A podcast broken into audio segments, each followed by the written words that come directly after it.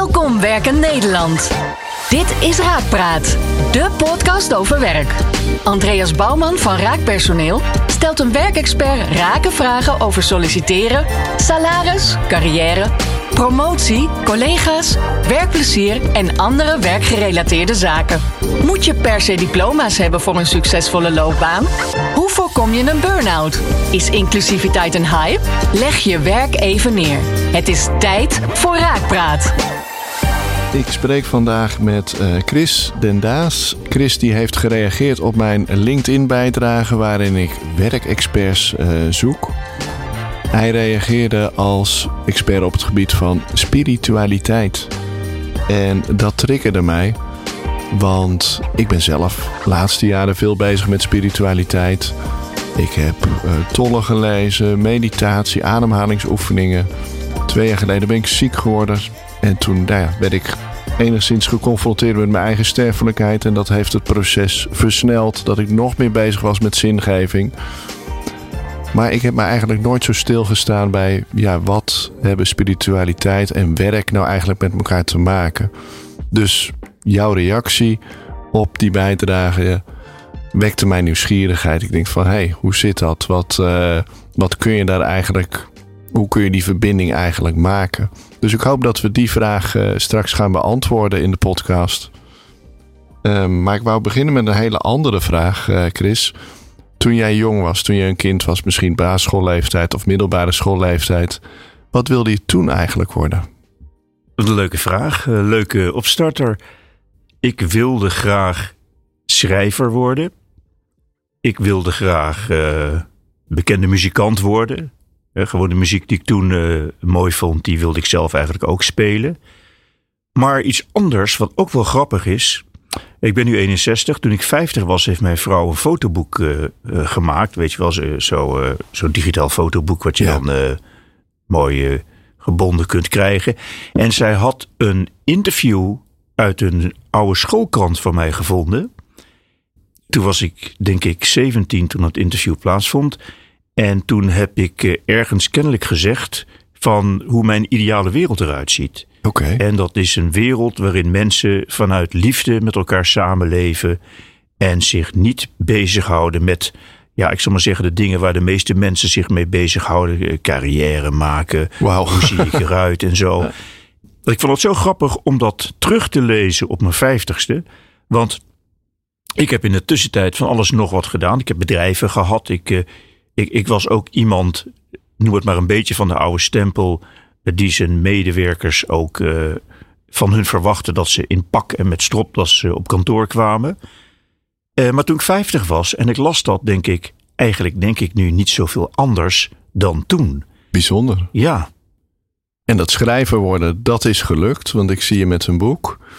Um, maar ook wel heel. En was je dat vergeten dat je dat uh, toen ooit had opgeschreven? Of is er in de loop van je leven ja, is dat erin geslopen dat je veel meer met je carrière bezig ging en ja, die oude 17-jarige idealistische jongen even vergeten was, zou ik maar zeggen. Ik denk dat dat zo is gegaan. Op een gegeven moment uh, gaat het leven met je aan de haal.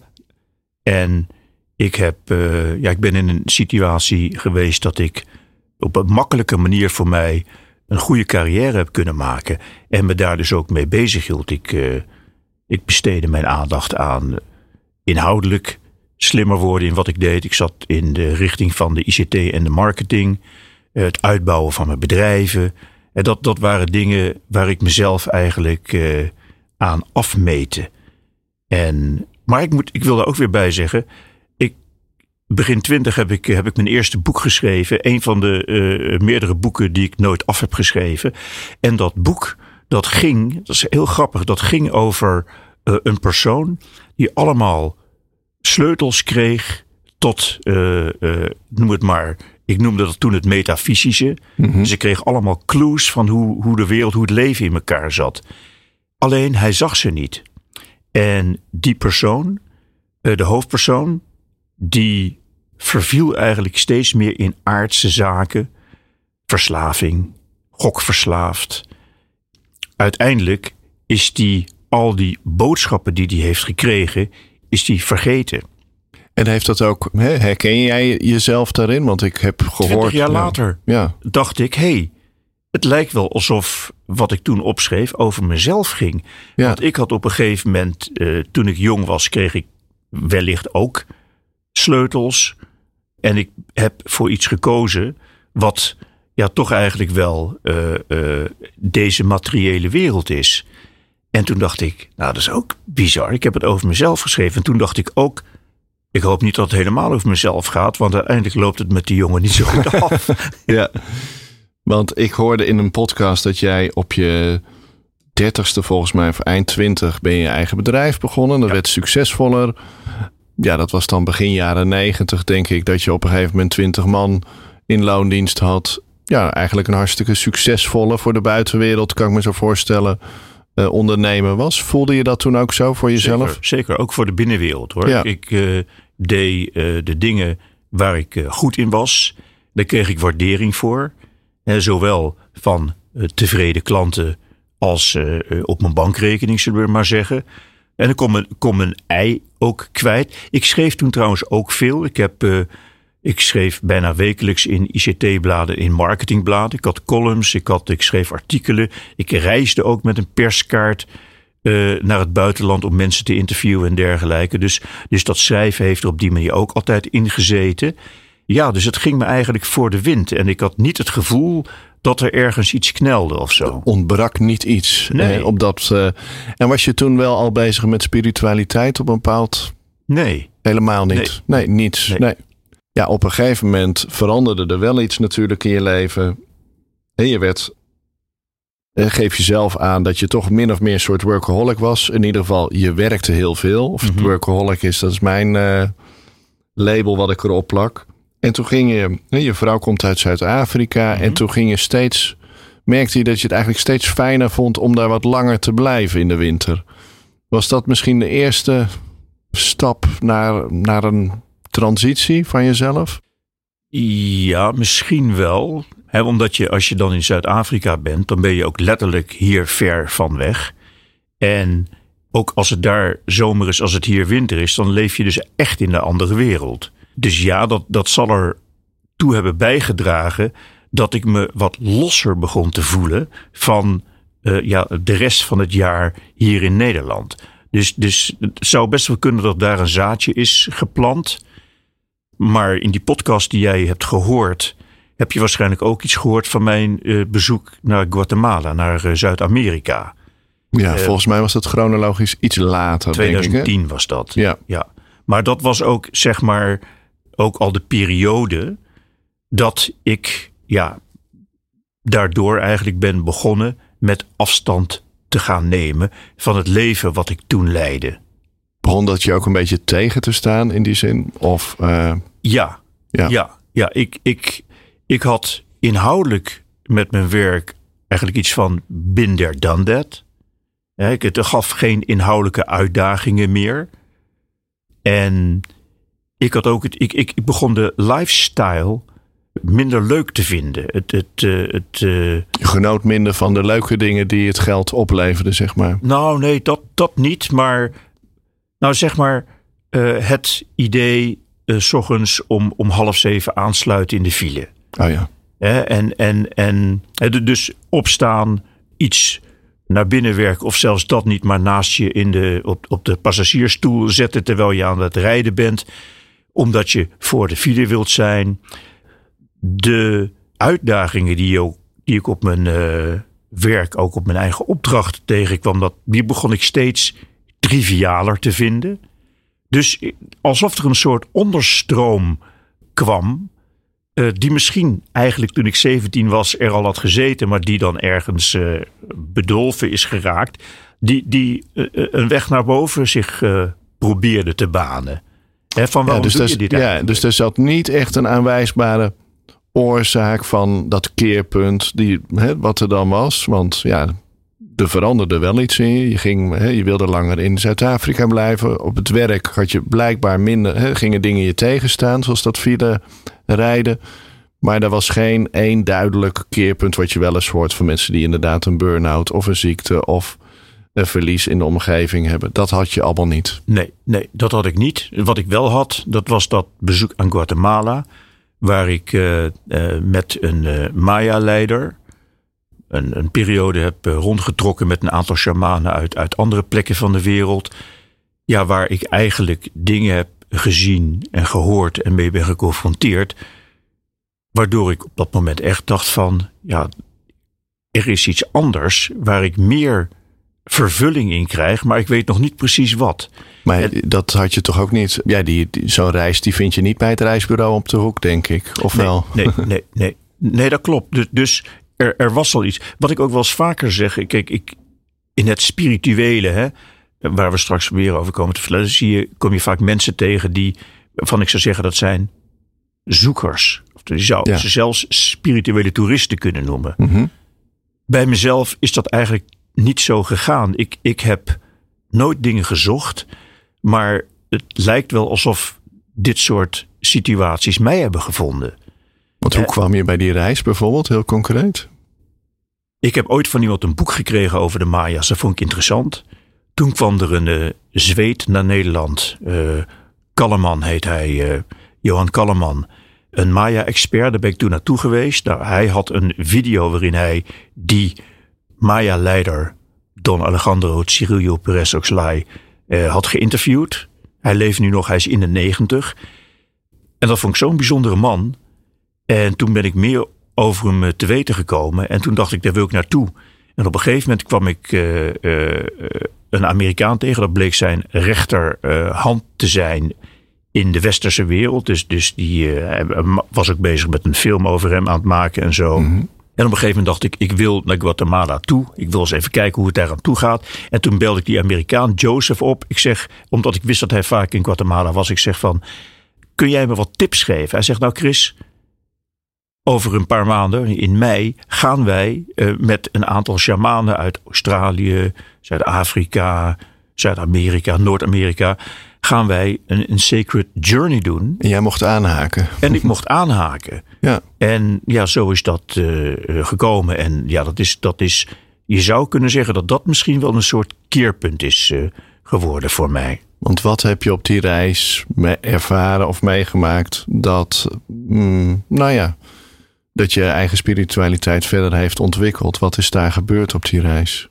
Punt 1 de mensen, de, de, die shamanen, die hadden zulke krachtige energieën. En ik zag hun ver, verbondenheid, de verbinding met de aarde, met de omgeving.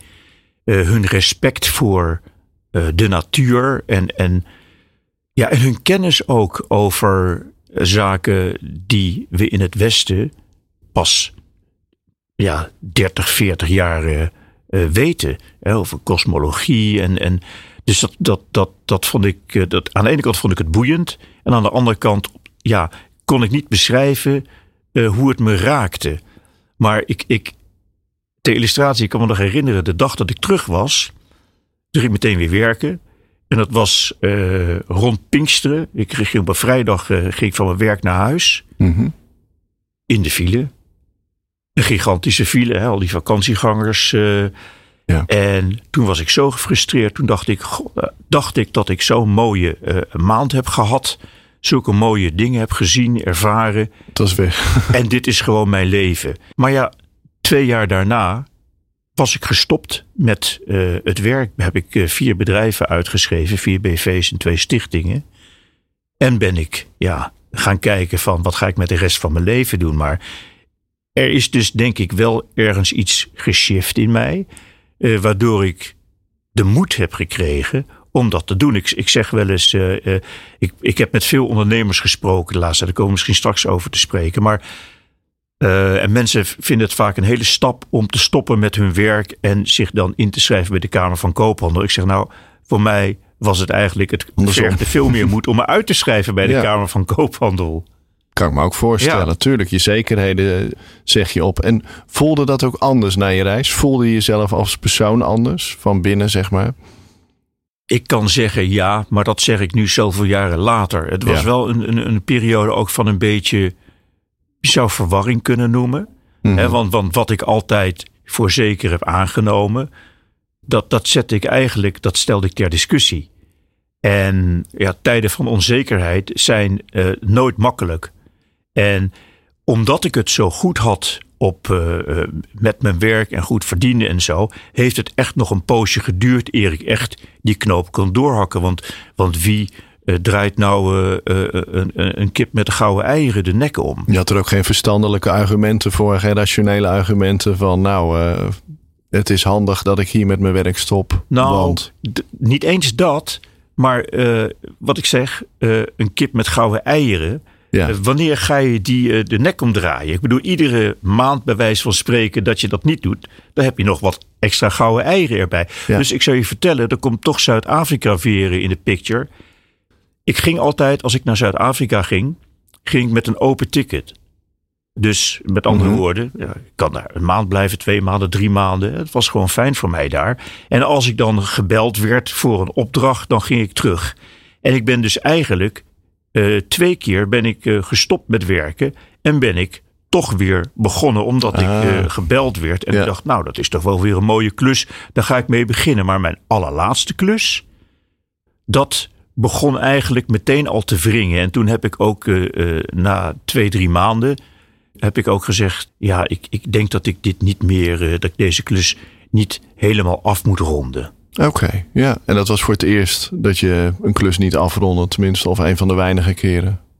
Uh, nou, dat was in ieder geval voor het eerst dat ik het zo definitief ook zei. Je kunt wel klussen op een bepaalde manier afronden en het dan overdragen aan iemand ja, anders. Maar, maar ik kon eigenlijk niet meer wat ik twintig jaar daarvoor bij wijze van spreken dagelijks deed.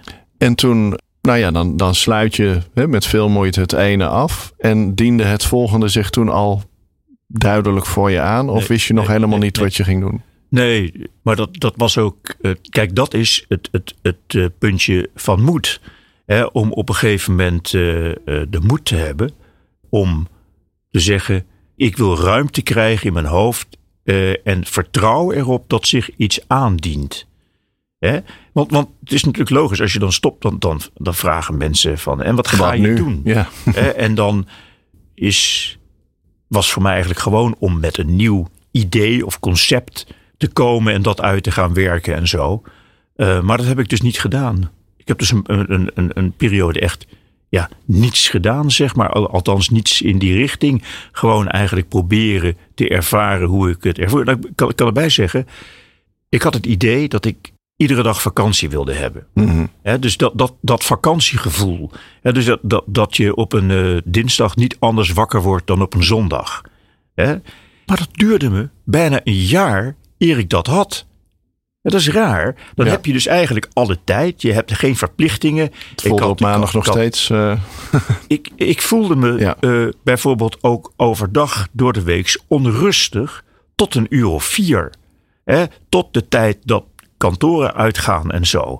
En ja, dat was zo merkwaardig. Het heeft me echt een poosje geduurd eer ik dus kon wennen aan ja, de nieuwe weekindeling. ja. En toen ben je op reis gegaan volgens mij op een gegeven moment. Ja, ja.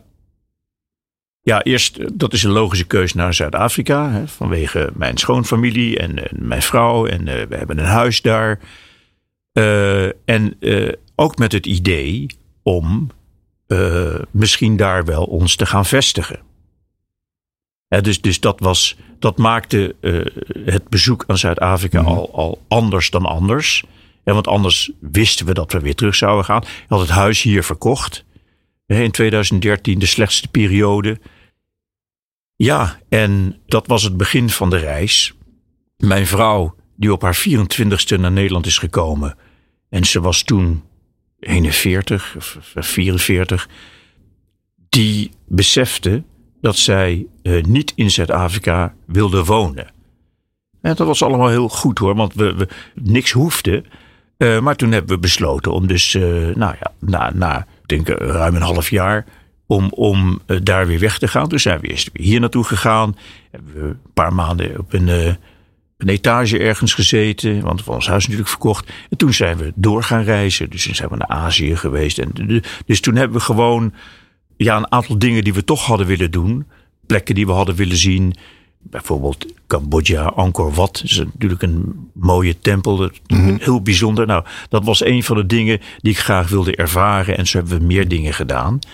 Uiteindelijk is de, wat de doorslag heeft gegeven om naar Nederland, of in Nederland ons uh, ja, weer te gaan vestigen, zou je kunnen zeggen, is de aardbeving in Nepal geweest. Ik zou in 2015 zou ik naar Tibet gaan. Dat was allemaal al geregeld. Ik zou uh, 1 mei zou ik uh, daar naartoe gaan. Ik had een van de dingen die ik heel graag in mijn leven wil, wilde doen. Dat was om de heilige berg Kailash te lopen.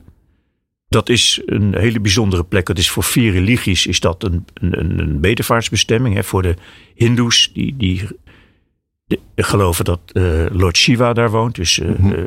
hun godheid. Voor de boeddhisten. Voor de Jainisten, dat is een kleine religie. En voor de Beun, dat is een Tibetaanse animistische natuurgodsdienst. Maar dat is niet zomaar een, een wandelingetje. Dat is op 5000 meter hoogte een trekkingtocht van een, van een paar dagen. En nou, dat wilde ik graag doen. En het liefst ook in mei, in die periode rond die volle maan. Is dat, dat, dat schijnt daar uh, ja, heel bijzonder te zijn, ook qua energie. Uh, dus dat, daar had ik voor getraind en zo. Alleen een week voordat we weg zouden gaan, voordat ik weg zou gaan, was er die aardbeving in Nepal. En daardoor gingen alle vluchten en, en dergelijke die kant op niet door. Mm -hmm. En nou, dat was ook een moment, eh, want we zouden daarna meteen weer doorreizen. Van ja, en wat nu? En dat was even een kink in de kabel. En toen hebben we eh, de knoop doorgehakt om voorlopig in Nederland te blijven. Dus toen hebben we, hebben een etage gehuurd en zo. En uh, ja, sindsdien zijn we in Nederland. En toen ben ik ook dus mijn praktijk op gaan richten en mijn boek gaan schrijven en zo. Dat is toen ontstaan. Precies. Was toen ook voor jou het idee duidelijk van en nu ga ik hè, meer leven vanuit mijn binnenwereld. Ik ga spiritualiteit integreren in mijn werk. En dat wil ik ook. Hè, ik, ik voel me nu. Uh, nou, ik heb dat vakantiegevoel uh, altijd. En ik wil mijn nieuwe ik wil ik ook in mijn werk integreren. Was dat een min of meer bewuste keuze of is dat vanzelf gegroeid? Het gaat ja. een beetje vanzelf. En, en uh, uh, jij noemde bij de inleiding expert in spiritualiteit. Nou, zo zie ik mezelf natuurlijk absoluut niet. Nee. Spiritualiteit is een, uh, voor mij een containerbegrip. werk, zelfs toen ik werkte, heb ik ook altijd gezegd: ik zie geen scheiding tussen privé en werk. Dit is mijn leven. Ja.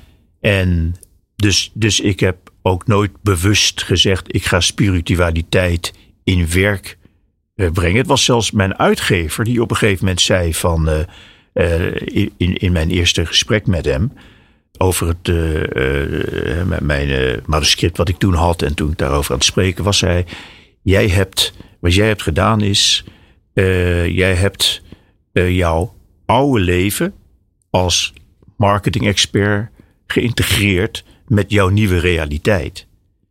En toen hij dat had gezegd, toen zei ik ook: we hebben een deal. Want ik denk, jij begrijpt het. En uh, het, het, het, het, het, leven uh, ja, kondigt zich aan zoals het zich aankondigt. En eigenlijk zijn alle kaders. Die doen het leven eigenlijk tekort. Ik begrijp wel dat je hebt wel kaders nodig om dingen te kunnen duiden. Um, maar, uh, en zeker als je in, in communicatie met andere mensen. Maar voor mezelf kan ik ben ik, voel ik me meer op mijn, uh, op mijn plek als ik die kaders ook niet zo specifiek benoem. Nou, heel verhaal, maar als jij dan zegt van werk en spiritualiteit integreren, zo heb ik het nooit gezien. Nee. Maar ik begrijp wel dat je het zegt. Ja. Ja, we hebben ook kort telefonisch gesproken. Ja, je doet verschillende dingen. En je hebt bijvoorbeeld ja, yoga beoefenaars of de, degene die lesgeven daarin heb je volgens mij begeleid? Nou, ik heb hun geïnterviewd. Kijk, ik heb uh, in, in mijn boek uh, Marketing zonder personeel, mm -hmm. wat, wat je zou het een spiritueel marketingboek kunnen noemen. Uh, daar heb ik een, een, een, een, aantal kaders in beschreven. Dat, dat je, ik, ik, noem het ook wel eens inside-out marketing. Dus dat je eigenlijk naar binnen gaat en dat je eh, als je weet wie je bent, en daar heb ik dan een aantal kaders voor gegeven, dan kun je daar op een hele goede manier expressie aan geven. En dat, dat is dan een ander soort marketing dan, dan, dan ja, tot op heden. En toen dacht ik op een gegeven moment, ook als een soort vervolg van dit boek, van als ik nou een bepaalde groep ondernemers, als ik die nou eens ga interviewen en langs de meetlat van die kaders die ik heb gesteld hou. En toen ben ik op het idee gekomen om inderdaad yoga-leraren uh, uh, te gaan interviewen. En dat heb ik toen gedaan. En uh, ik heb er een stuk of twintig geïnterviewd. En het waren, daar heb ik zelf ook heel veel, ben ik zelf ook heel erg door geïnspireerd geraakt. Ook om, om te horen hoe verschillende mensen ertoe gekomen zijn om, om ja, ook misschien zelfs uit het bedrijfsleven, om op een gegeven moment yogadocent te worden. En, en, en ook hoe ze daar handen en voeten aan hebben kunnen geven. De zag, uitdagingen. Zag je daar bepaalde overeenkomsten in tussen die uh, yoga-docenten? Dat ze inderdaad vanuit dezelfde uh kernwaarden leefden? Of uh, waren het echt twintig totaal verschillende? Ja, er zijn wel een aantal dingen die. Er is wel een aantal dingen wat, wat, wat overeenkomt. jij noemde net iets over dat, dat vaak mensen die spiritueel worden. als je het zo mag noemen, dat die iets hebben meegemaakt. Tegenslag, of een ja, burn-out. Ja. Nou, veel van die uh, yogadocenten, die hebben ook, zijn ergens tegen aangelopen in hun leven. Zoals een burn-out, zoals een, uh, zelfs een, een, een, verkrachting, iets traumatisch. Ja, wat ze op de een of andere manier een plekje hebben uh, gegeven. En, en waardoor ze ook een, een wending aan hun leven hebben gegeven. En ja, dan zijn er een aantal, is een aantal die dan yogadocent is geworden. Interessant, inderdaad. Um, ik kan me ook voorstellen, want dit boek is natuurlijk geschreven voor uh, ZZP'ers, denk ik. Het is voor ondernemers geschreven, klopt. Ja, want he, leven vanuit je eigen, nou ja, van inside out. Dat wordt natuurlijk lastiger als je in een team, als je in een organisatie zit. Dan hebben ze het vaak over kernwaarden. Ja, we hebben bij, ik werk voor raakpersoneel, hebben we ook bepaalde kernwaarden. Hoe zou je dan zo'n strategie toepassen als het voor ja, als het voor meerdere individuen samen die een groep vormen, dus een bedrijf, hoe zou je dat dan vormgeven? Is het... Ja. Kijk, jij noemt het woord strategie, uh, zo zou ik het niet willen noemen. Ik denk sowieso, iedereen is een persoon, heeft een identiteit, ja. uh, komt ergens vandaan. Dat kun je eigenlijk nooit verlogenen. Uh, je kunt maar beter weten wie je zelf bent om erachter te komen hoe je met andere mensen uh, samen kunt werken, resoneert, wat bij jou past, wat niet bij jou past, wat voor organisatie bij je past. Dus ik denk dat het universeel is. Ik denk dat het een voorwaarde is. Ik denk überhaupt om in een samenleving uh, congruent met wie je zelf bent te kunnen functioneren. En dus ook in organisaties, ik denk misschien zelfs wel juist in organisaties, als mensen niet weten wie ze zelf zijn, en een uh, ideaal beeld of een, uh, uh, proberen te kopiëren, dan loop, lopen in, in, eerste instantie die mensen zelf ergens tegen de grenzen aan, maar daardoor ook zo'n organisatie. Ja. En, en, je traint anderen om zichzelf te leren kennen. Je hebt er een boek over geschreven. Mm -hmm. Heb je zelf het idee dat je jezelf helemaal kent? Of is dat een voortdurend proces voor jezelf? Het is een voortdurend proces. Ik denk, ik denk dat de belangrijkste stap is om te erkennen dat je, eh, of om te herkennen dat je het niet helemaal weet. Dat je jezelf niet weet en dat je iedere dag in de spiegel kunt staan om, uh, voor de spiegel kunt staan om, om, om te kijken van uh, hoe ging het vandaag? Wat heb ik gedaan? Uh, wat heb ik geleerd? Het is helemaal mooi als je in jouw omgeving, bijvoorbeeld als je met je partner kunt reflecteren. En het is mooi om, om, om die te herkennen, te durven zien, ook te erkennen dat je ze hebt en daar dan mee aan de slag te gaan. Dat is een continu proces. Zijn er bepaalde ja, hulpmiddelen zoals meditatie of nou ja, andere oefeningen die je doet om dat proces nou ja, te intensiveren, om door te gaan? Ja, ja. Kijk, meditatie, je, noemt het. Kijk, wat je eigenlijk bij meditatie met name doet, dat is de werking van uh, je geest, je hersenen, om die om je daarvan bewust te worden. Eh, om een gedachte te kunnen zien voor wat die is. En om je te realiseren dat er ook iets achter die gedachte is. En dat is namelijk wie je zelf bent. En je zou eigenlijk zelfs wel kunnen zeggen dat, dat al die gedachtes. dat dat uh, eerder stoorzenders zijn om bij je eigen essentie te komen. dan dat ze je helpen daarbij. Uh, nou ja, als je je dat al realiseert. Uh, dat is al heel wat. En als je dus regelmatig mediteert. en je, je gaat ook op die manier mediteren. Uh, dat je dus de gedachtes, uh, dat je er niet in meegaat, dat ze niet met jou aan de haal gaan, je, maar dat je ze kunt zien voor wat ze zijn. Mm -hmm. Dan kom je al een stukje dichter bij jezelf. Nou, dat, is, dat hoeft helemaal niet spectaculair te zijn, maar uh, daardoor ja, leer je jezelf kennen en leer je je essentie kennen. Ik, ik, ik las toevallig niet zo lang geleden nog een, een, een mooie uitspraak van, ik geloof de Dalai Lama, of uh, de vraag van wat heeft meditatie uh, je gebracht? Ja. Uh, waarbij hij zei, niets. maar, hij zei, maar dan zei hij achteraan, maar ik kan je wel zeggen wat het me ervan bewust heeft gemaakt. Waar het me, wat het me niet heeft gebracht. En dat is dan al die verstorende gedachten, angsten en Het zo. schept ja. een soort ruimte tussen de gedachten en gevoelens en hetgeen wat erachter zit. Ja. ja. En daardoor wordt uiteindelijk, denk ik, je, je blikveld breder. Kun je makkelijker relativeren. Kun je dingen zien voor wat ze zijn. Ik heb bijvoorbeeld zelf heb ik een, een periode zes weken in een zenklooster gezeten. En daar mediteerden we uh, vier uur per dag. Um, vier uur per dag zit je op een kussentje en gebeurt er dus eigenlijk niks. Maar tegelijkertijd gebeurt er van alles en nog wat. Uh, maar als je met een groep mensen, met die monniken, als je dan uh, daar zit. Kijk, op het moment dat ik een vervelende gedachte krijg, of een angstgedachte, of weet ik veel wat. Uh, dan kan ik niet even mijn telefoontje pakken en, en, of niet even weglopen. Nee, je blijft daar zitten. Want anders zou het nogal onrustig worden. En wat ik daar heb geleerd is dat iedere gedachte die ik zelf creëer, gaat ook weer weg. Ja. Daar kun je gewoon doorheen ademen. En doordat ik dat ja, gewoon zoveel dagen achter elkaar uh, uh, ja, niet kon vluchten, heb ik op een gegeven moment uh, geleerd en ervaren dat alles zichzelf ook weer oplost. En dat heeft me veel zelfvertrouwen gegeven om andere moeilijke situaties, om daar ook vertrouwen in te hebben dat, dat ja, het is nu weer voorbij gaan. Is, ja. ja. ja.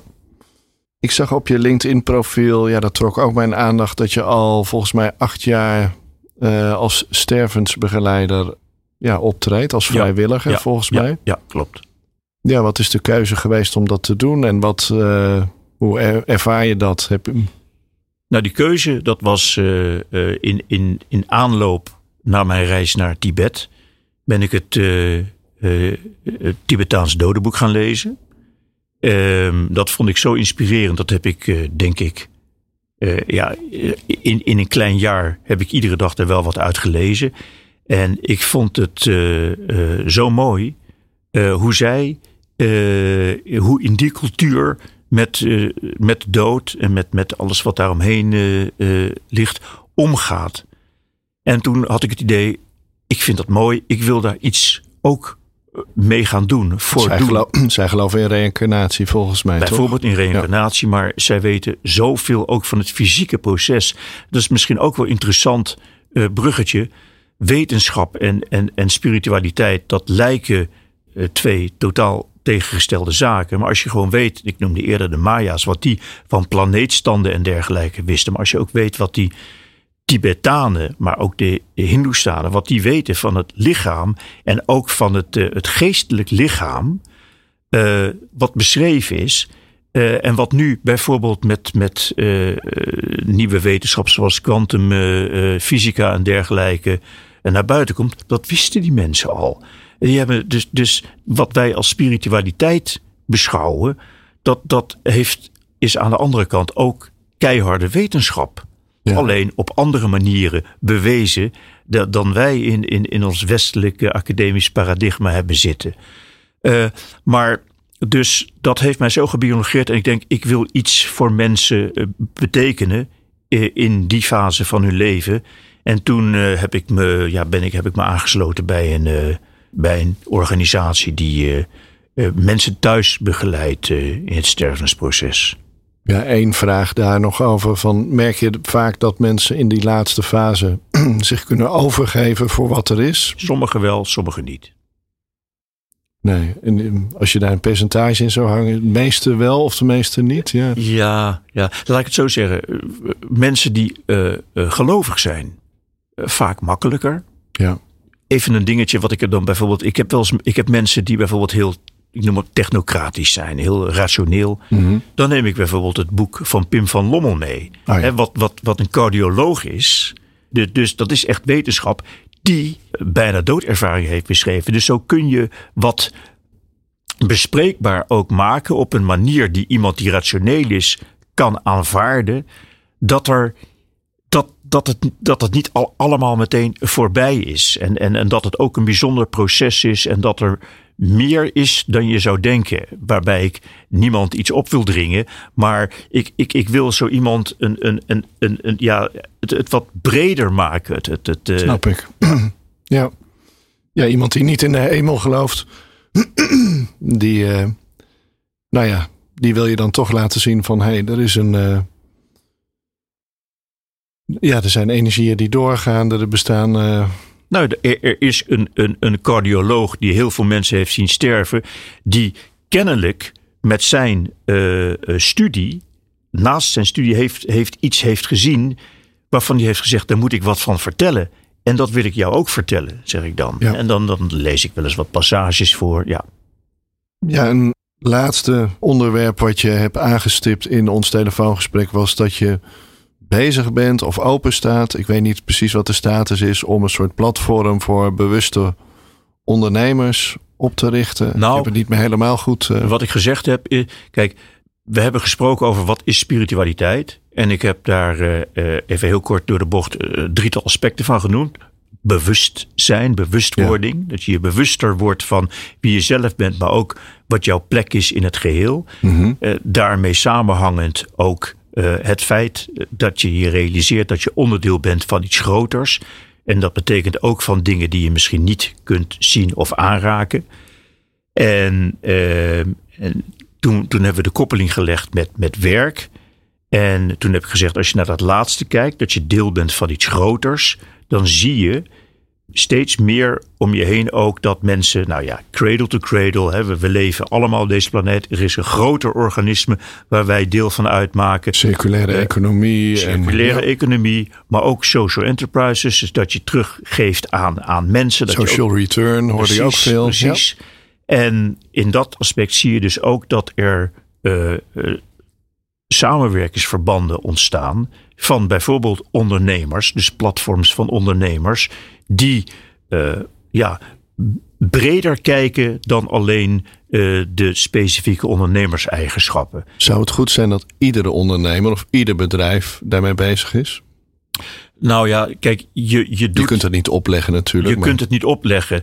Uh, het, ik zou het mooi vinden als hier wel aandacht aan wordt besteed. Want als je het niet weet, dan kun je ook geen keuze maken. Maar als je je beseft, uh, nou ja, net zoals wat nu denk ik gebeurt met circulaire economie en dergelijke, wat je erover leest, dan, dan kun je jouw eigen plek erin bepalen. En datzelfde geldt denk ik ook voor hoe bewust ben ik. Het begint natuurlijk met bewustzijn van ja. ja wat doe ik eigenlijk en Ja. wat, welke impact heeft dat op de planeet En welke, anderen. opties, welke Ja. opties heb ik? Wat kan ik doen? Ja. Hè? Want eh, je, je, kunt met alles natuurlijk, eh, eh, iedere reis begint met de eerste stap. Dus je kan met een heel klein stapje, kun je voor jezelf iets, voor je onderneming of, of voor jouw afdeling, hè, kun je iets starten. En dan is kennis en, en, en voorlichting is natuurlijk heel fijn als dat er is. Ja, snap ik.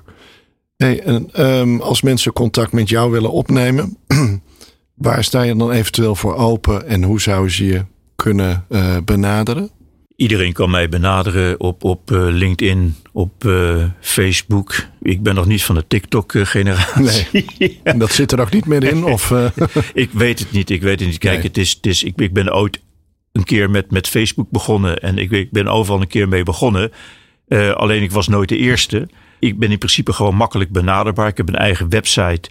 die heet zp-marketing.nl. Uh, maar als je gewoon op Chris Dendaas zoekt, googelt, dan kom je allemaal dingen van mij tegen. En ja, mensen kunnen me altijd benaderen. Maar sta je open voor specifieke ja, werkzaamheden of begeleiding of samenwerkingen? Kijk, ik, ik ben business coach, executive coach en life coach. Dus ik help mensen, zowel in het zakelijk als in privé. Maar ja, wat ik al zei, dat is voor mij eigenlijk hetzelfde uh, bij uh, nieuwe beslissingen in hun leven. Ja. En ja, daar, daar kunnen mensen mij altijd voor benaderen. En komen ze dan, ja, valt me zo binnen, ook vaak bij je op momenten dat ze ja, echt levensvragen hebben, grote issues hebben? Of zijn het ook gewoon ondernemers die, ja, eigenlijk meer zoals jezelf, meer geleidelijk denken van, hé, hey, wie ben ik eigenlijk? En ja, dat, dat, dat, dat kan allebei. Dat kan allebei. Het is, ik, ik, uh, het interessante is dat, dat ik heb best wel veel, als ik naar ondernemers kijk, ondernemers uh, uh, begeleid, die eerst hadden geïnvesteerd in een, een ondernemerscoach, een businesscoach, die gouden bergen beloofde en dat lukte niet. Ja. dan raak je behalve dat je wat geld uh, eraan kwijt bent, raak je misschien ook met een beetje pech het geloof in jezelf kwijt. Ja, uh, dat, dat zijn mensen die, die uh, daar heb ik een aantal van, ja, ik zou maar zeggen, weer op de rit geholpen. op persoonlijk en op zakelijk vlak. Oké. Okay. Is er nog iets wat je zou willen benoemen of bespreken wat we nog niet hebben aangeraakt in de podcast? Nou, wat ik eigenlijk uh, wil zeggen is dat er al meer gebeurt dan je denkt. Ja, maar het wordt alleen geen spiritualiteit genoemd uh, natuurlijk. Ook dat. Maar er gebeurt best wel veel. Kijk, in het verleden hadden we, laten we zeggen, toen ik jong was, toen ik jong was, nou, laten we zeggen 30, 40 jaar geleden. Ja. Toen begon men met bijvoorbeeld communicatieopleidingen en teamwork en zo. Dat, dat mm -hmm. was eigenlijk meer dan alleen het uitvoeren van je werk. En uh, je ziet dat nu op dat bewustzijn uh, maar ook op uh, het deel uitmaken van die schoters, dat daar best wel veel al gebeurt. ik, ik ken ook uit de interviews met de yogadocenten, ik ken mensen die, die geven vergader-yoga. Die geven een aantal ontspanningsoefeningen voor vergaderingen. En er zijn bedrijven die nemen dat af.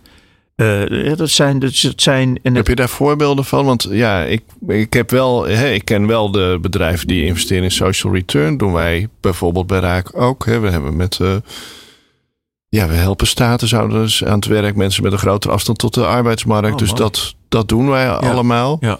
Maar uh, ja, dat versta ik dan nog niet echt onder spiritualiteit als yoga-oefening of zo? Nou, kijk, dit is uh, uh, iemand die ik heb uh, geïnterviewd. Jan Maagdenburg heet hij.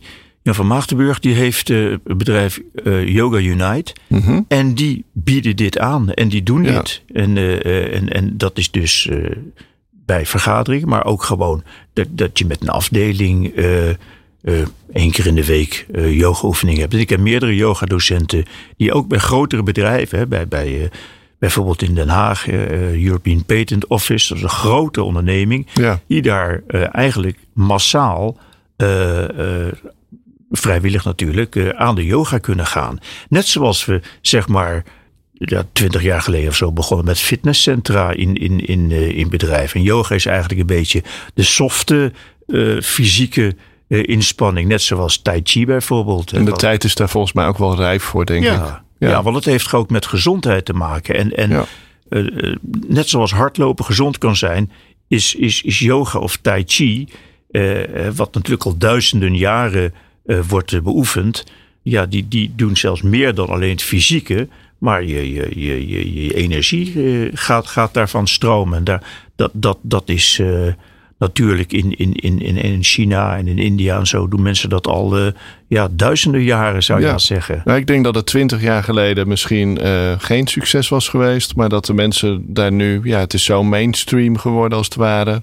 Ja. Ik denk dat er weinig mensen meer heel erg van op zouden kijken als dat wordt nee, aangeboden. Nee, en zeker als het inderdaad vrijwillig is. En uh, ja, dus ik denk dat dat goed is.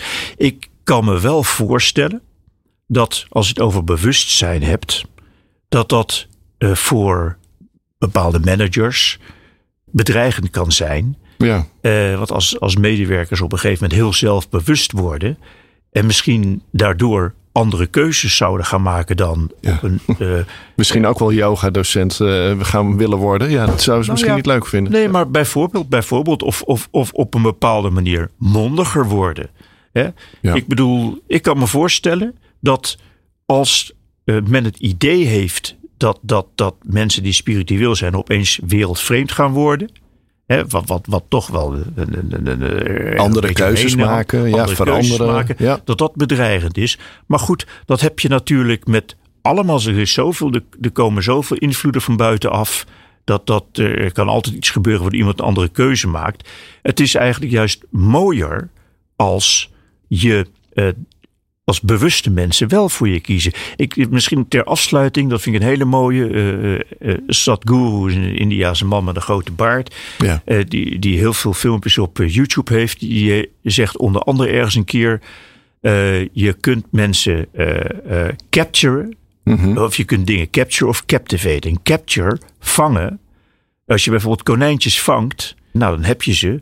Maar je bent heel veel energie kwijt om ze aan je te blijven binden. Want anders, want ze lopen weg als je ze gevangen hebt. Nou ja, als jij klanten of medewerkers vangt, uh, dan, moet je, dan moet je steeds energie erin blijven steken. Klopt, ja. Hè?